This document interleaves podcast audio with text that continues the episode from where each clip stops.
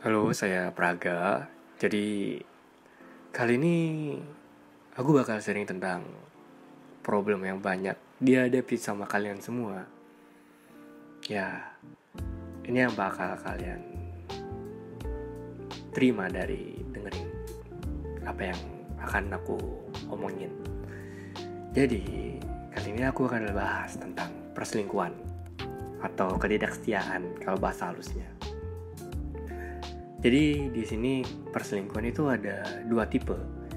Tipe yang pertama adalah seksual dan yang kedua adalah romantic. Seksual ini ada sexual infidelity yaitu cuma just a sex. Jadi cuma ya udah cuma berhubungan badan biasa tanpa ada rasa. Jadi cuma ya gue kayak kalian kalau para cowok itu sewa PSK atau kalau bagian cewek itu sewa gigolo kayak gitu dan ya ini cuma sekedar memuaskan hawa nafsu. Lalu yang bahasan yang paling menarik adalah di romantic infidelity. Kenapa aku bilang menarik? Karena di sini tuh di romantic infidelity itu banyak yang kalian tanpa sadari. Jadi di sini tuh bukan seperti berhubungan badan tapi malah melainkan seperti kayak panggilan sayang panggilan-panggilan yang kalian biasa kasih atau berikan ke pasangan kalian seperti contohnya sayang, beb, kayak gitu contohnya. Terus ada godaan-godaan yang kayak misal kalau sekedar temennya cuma, hey, aku lagi kangen loh, kamu nggak kangen emang sama aku. Terus kamu lagi ngapain, ngapain aja, aku nggak ada kabar sih kayak gitu. Ya walaupun teman, tapi tetap ini disebut dengan romantic infidelity Kenapa bisa gitu? Nah, ini itu dimulai dari yang paling dasar adalah mulai dari kayak perhatian dan ini dimulainya biasanya dari kayak teman biasa atau teman kerja dan atau pulang pergi bareng kayak gitu atau teman sekantor seruangan ya gitu dan mungkin yang paling parah bakal pertama di kayak teman curhat.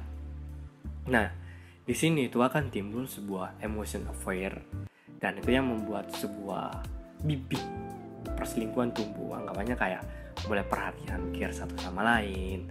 Jadi kayak saling perhatikan misal misal uh, diri kalian dengan teman rekan kerja. Jadi misal eh ini ada kerjaan dari ini nggak mau kerja bareng atau nah, nanti aku beli makan deh gimana? Kamu jangan telat makan gitu. Nah itu perhatian-perhatian yang cukup kalian berikan kepada pasangan. Jangan sampai ke orang lain. Ya ke orang lain boleh cuma sekedar just afraid. Jangan sampai memberikan sesuatu hal yang berlebihan dan akhirnya membuat si rekan kalian itu mempunyai rasa ke kalian. Dan ini jadi sebuah awal kehancuran dan dari teman curhat, teman kerja. Dan ini kalau diterusin bisa jadi akhirnya ke sexual infidelity atau sexual affair. Dan mungkin dari yang biasanya cuma manggil beb sayang kayak gitu atau goda-godaan yang kayak hey lagi ngapain? gitu. Udah makan belum? Nah ini kayak di zona friend zone yang nggak jelasin kapan hari. Dan masuk ke social affair atau social fidelity ini kayak seperti pegangan tangan ciuman dan akhirnya berujung mungkin ya if you married or kayak benar selingkuh dan punya hubungan seksual badan seperti itu. Dan ini yang paling banyak dilakukan dari menurut survei ada 56 laki-laki dan 34% itu terjadi selingkuh itu bukan karena hubungan yang tidak harmonis. Melakukan mereka masih harmonis dan senang. Dan ya hubungan tidak selalu sehat itu akan menjadi perselingkuhan. Tapi hubungan mereka walaupun aman tentram tetap bisa menimbulkan perselingkuhan. Karena bisa begitu karena pertama dari kalian-kalian ini ya mungkin banyak orang yang tidak tertuju ke inginan untuk selingkuh. Tapi ini terjadi yang biasa akhirnya ya berawal dari teman ngobrol ya cuma pengen ngobrol doang. Ya mungkin dari rekan kalian partner kalian yang yang kalian biasa ngobrol ini dia lucu nyambung atau mungkin ya si smart or he smart. Jadi ya mungkin ada kata kaitan di bidang lain atau mungkin seperti oh kita punya latar belakang yang sama nih kayak gitu. Jadi kayak misal oh backgroundku tentang ya I'm, I'm, aku broken home dan dia broken home jadi kita sama-sama nyambung nih. Dan ya ini alasan-alasan yang general yang bisa dipakai. Dan akhirnya dari situ mendapat panggilan yang spesial lalu perilaku perilaku ya kayaknya kayak yang I mean perilaku adalah perlakuan perlakuan yang spesial yang diberikan dan akhirnya menjadi sexual infidelity dan akhirnya berjerumuslah ke sana. Dan itu yang akhirnya menimbulkan perselingkuhan. Ya walaupun belum di awal nggak nggak ada tujuan ke situ tapi bibit-bibitnya akan tumbuh. Nah kapan hari ini? Ada temenku yang cerita dia ngalamin hal yang sama seperti yang aku sampaikan tadi di awal. Jadi dia berawal dari teman kantor ya yang biasa ngobrol bareng akhirnya ketemuan tiap hari pulangnya bareng ngobrol A B C topiknya itu tentang itu itu dan mereka nyambung klop.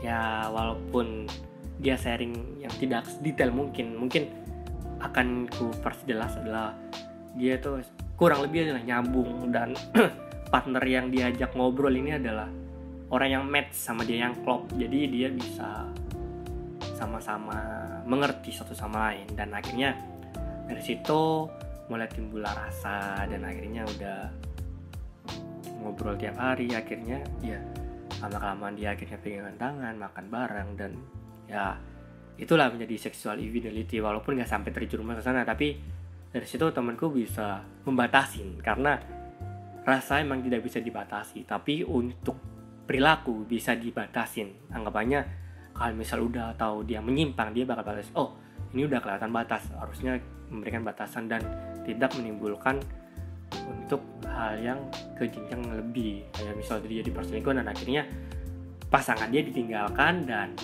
dia malah berjalan dengan ya jalan sama dia barat makan sama terus-terusan dan dari situ dia mulai menjaga jarak dengan dia nah dari situ bibit-bibit awal tumbuh dan ini ada tiga tipe nih selingkuh seperti diselingkuhin menyelingkuhin atau menjadi selingkuhan. Nah, kalau dari pengalaman aku, itu aku udah pernah ngerasain semuanya. Diselingkuhin juga pernah, menyelingkuhin orang juga pernah, dan jadi selingkuhan pun juga pernah. Nah, itu sama-sama gak enak semua. Diselingkuhin gak enak, menyelingkuhin gak enak, dan jadi selingkuhan itu juga gak enak banget. Ya, dari sini kita bisa belajar lah. Kalau misalnya jadi diselingkuhin, itu gak enaknya adalah di diri kita.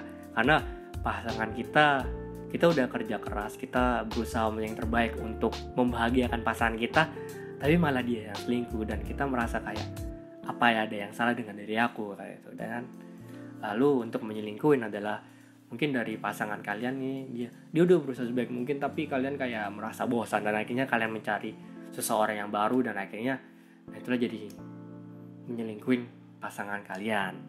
Untuk jadi selingkuhan ini mungkin hal yang berat. Karena mungkin ada partner kalian yang udah punya pasangan mungkin udah menikah tuh udah punya pacar lah. Dan di situ dia deket sama kalian sama kamu gitu. Dan dia mencoba beradaptasi dengan kamu dan akhirnya kalian sama-sama nyaman dan akhirnya si cewek ada hubung ada rasa tapi tidak ada hubungan. Ya anggapannya kayak seperti friend zone gitu. Dan ya itulah akhirnya jadi kalian jadi selingkuhan anggapannya TTM-nya dia kayak gitu. Dan itu sangat enak banget kalian bakal merasa bersalah.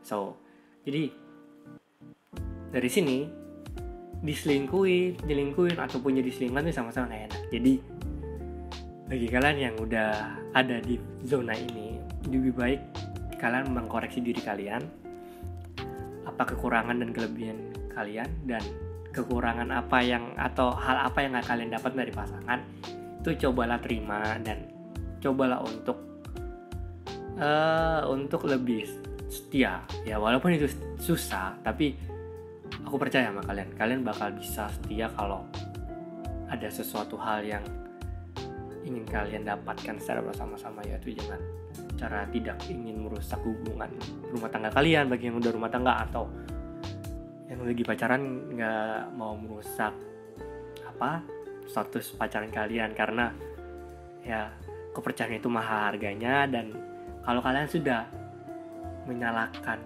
atau menghilangkan kepercayaan seseorang sekali itu kepercayaan bakal berkurang. Dan mungkin dari 100% bakal jadi 90% dan bakal 80% 50% dan akhirnya jadi nol. Dan itu akhirnya tidak ada feel sama sekali dan akhirnya bubar dan itu bakal sia-sia. Dan kalau memang kalian udah nggak cocok dengan pasangan kalian gue kalian jujur ke mereka bilang to the point sama mereka kalau emang bisa diperbaiki diperbaikin. Tapi kalau emang nggak bisa diperbaikin ya udah. Mungkin kalian tahu jalan terbaik adalah berpisah untuk menjadi yang lebih pribadi yang baik ke depannya dari sisi dia pasangan kalian atau dari sisi kalian. Ya. Jadi intinya jangan pernah mencoba untuk selingkuh atau jangan mau diselingkuin atau jadi selingkuhan.